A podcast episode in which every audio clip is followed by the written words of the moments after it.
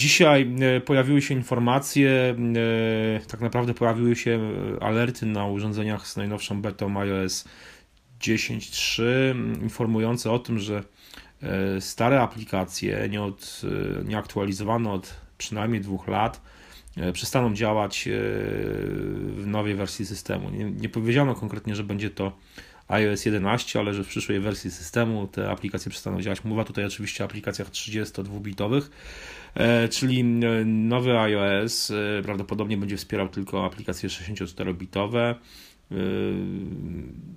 Nie jest to jakiś specjalny, mam wrażenie, problem z perspektywy użytkowników no, nowszych generalnie urządzeń, no bo większość aplikacji, z których korzystamy, tych dobrych, tych, które są aktualizowane, to są już 64-bitowe, bo też od niemalże dwóch lat deweloperzy muszą e, te, e, aktualizując tę aplikację, musieli jakby no, przygotować ich wersje 64-bitowe, e, więc te 32-bitowe to są w zasadzie programy nieaktualizowane od, od dwóch lat. Mhm. Zresztą iOS 10, tak, tak. gdy otwieramy po raz pierwszy taką aplikację, to tam informuje, że ten program może spowolnić działanie urządzenia, mhm. Mhm. czy coś takiego, taki komunikat się wyświetla w przypadku otwarcia tego typu programów. Mhm, mhm. I ja powiem szczerze, właśnie sobie zdałem sprawę, że są programy yy, takie, które, yy, z których korzystam do dzisiaj, które właśnie są w wersji Myślę, że mamy ten, o tym samym programie mówimy, tak myślę. o Recordium pewnie. A nie, to ja miałem na myśli Apps A. Widzisz. A ja, ja Recordium. Ja, ja mam Apps Opera i, i, jedną grę, e, taką mhm. przedpotopową mhm. naprawdę.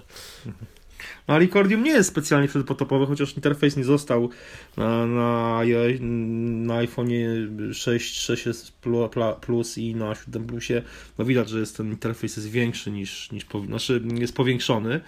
E, ale ta aplikacja czasami właśnie wywala ten komunikat, że może działać, może spowolnić system, czy będzie działać wolniej. Generalnie działa dobrze, nie mam z nią problemów, no ale najwyraźniej jest no właśnie takim programem, który nie został zaktualizowany i który no, w nowej wersji iOS-a przestanie działać z moim iPhone'em, a co sugeruje, że twórca tego programu go po prostu nie zaktualizował i chyba go nie zaktualizuje.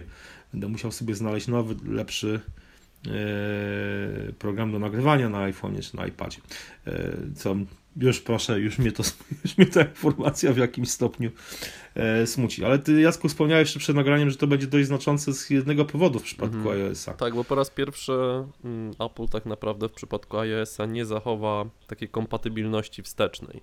Do tej pory nawet powiedzmy programy, które trafiły w 2008 roku do App Store, no, teoretycznie mogły być y, nadal użytkowane nawet na najnowszych sprzętach. Oczywiście porozciągane, działające wolno i tak dalej, i tak dalej. No ale teoretycznie taka, taka możliwość była. No i faktycznie e, gdzieś tam najstarszy program, który mam, e, który mam na swoim iPhone'ie, no ostatnia aktualizację miał w 2011 roku. No to to jest e, to ładnie. Konkretna, konkretna data, czyli 3 lata po otwarciu App Store, więc jeżeli Apple to wprowadzi, że, że obecnie te 32-bitowe mm, programy, no to będzie po raz pierwszy takie zerwanie z tą kompatybilnością wsteczną. No myślę, że nie będzie to stanowić jakiegoś większego program, problemu dla, dla większości użytkowników.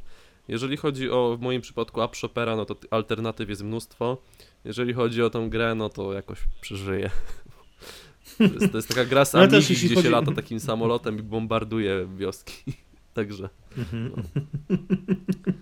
No. ja myślę, że w przypadku, no ja jedyny takim programem to jest właśnie Recordium. Notabene świetny program do nagrywania z opcją e, dodawania zakładek, notatek w te, do, do nagrania e, różnymi funkcjami, formatami e, eksportu tego takiego nagrania. E, no ale myślę, że znajdę przynajmniej kilka. Zacząłem go używać jeszcze w czasach, kiedy nie za bardzo sprawdzał się dyktafon ten systemowy, ale on też już jest coraz lepszy. No więc będę musiał się po prostu rozejrzeć. Mnie, znaczy z, z punktu takiego, z naszego punktu widzenia w zasadzie nie jest to problem, bo e, usunięcie tych aplikacji, raz, że aplikacji przestaną działać, dwa, ja myślę, że Apple jednak zdecyduje się na je usunąć z App Store'a. No tak, bo to w ogóle by się może... no, mijało z celem dla tej garstki użytkowników, która będzie na Dokładnie. iOS 6 jeszcze, tak? Dokładnie. Mhm. Czy iOS, mhm. nie, chwilę, iOS iOS 6, tak, tak, to będzie Tak, iOS 6. tak, tak, tak. Mhm, No to mhm, chyba faktycznie to, to się mija gdzieś, gdzieś z celem po prostu. mhm, mhm.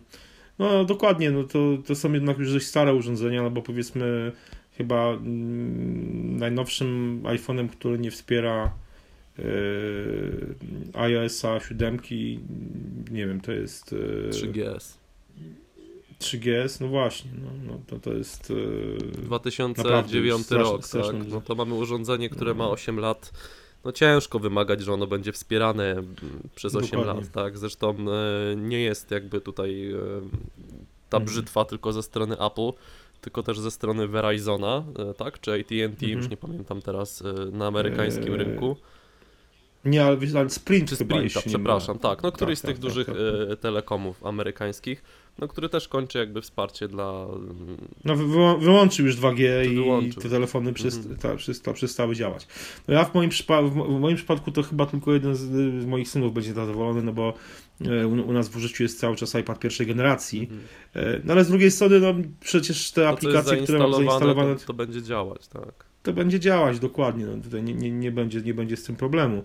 E, A nie przypominam sobie już dawno, żebym cokolwiek na tym iPadzie zainstalował, więc, w sumie to tak naprawdę już w tym momencie nie, nie ma jakiegoś specjalnego znaczenia. Ale ten iPad faktycznie jeszcze cały czas cały czas działa i Myślę, że to są programy, no nie wiem, na przykład y, jest taki program Duet Display, Display też często e, opisywany e, na MyApple i on pozwala korzystać z iPadów jako z dodatkowego wyświetlacza monitora do, do Maca, czy nawet czy komputera PC z Windowsem i jego twórcy chwalą się tym, że no, można do tego użyć właśnie nawet iPada pierwszej generacji, on będzie się świetnie spełniał swoją rolę.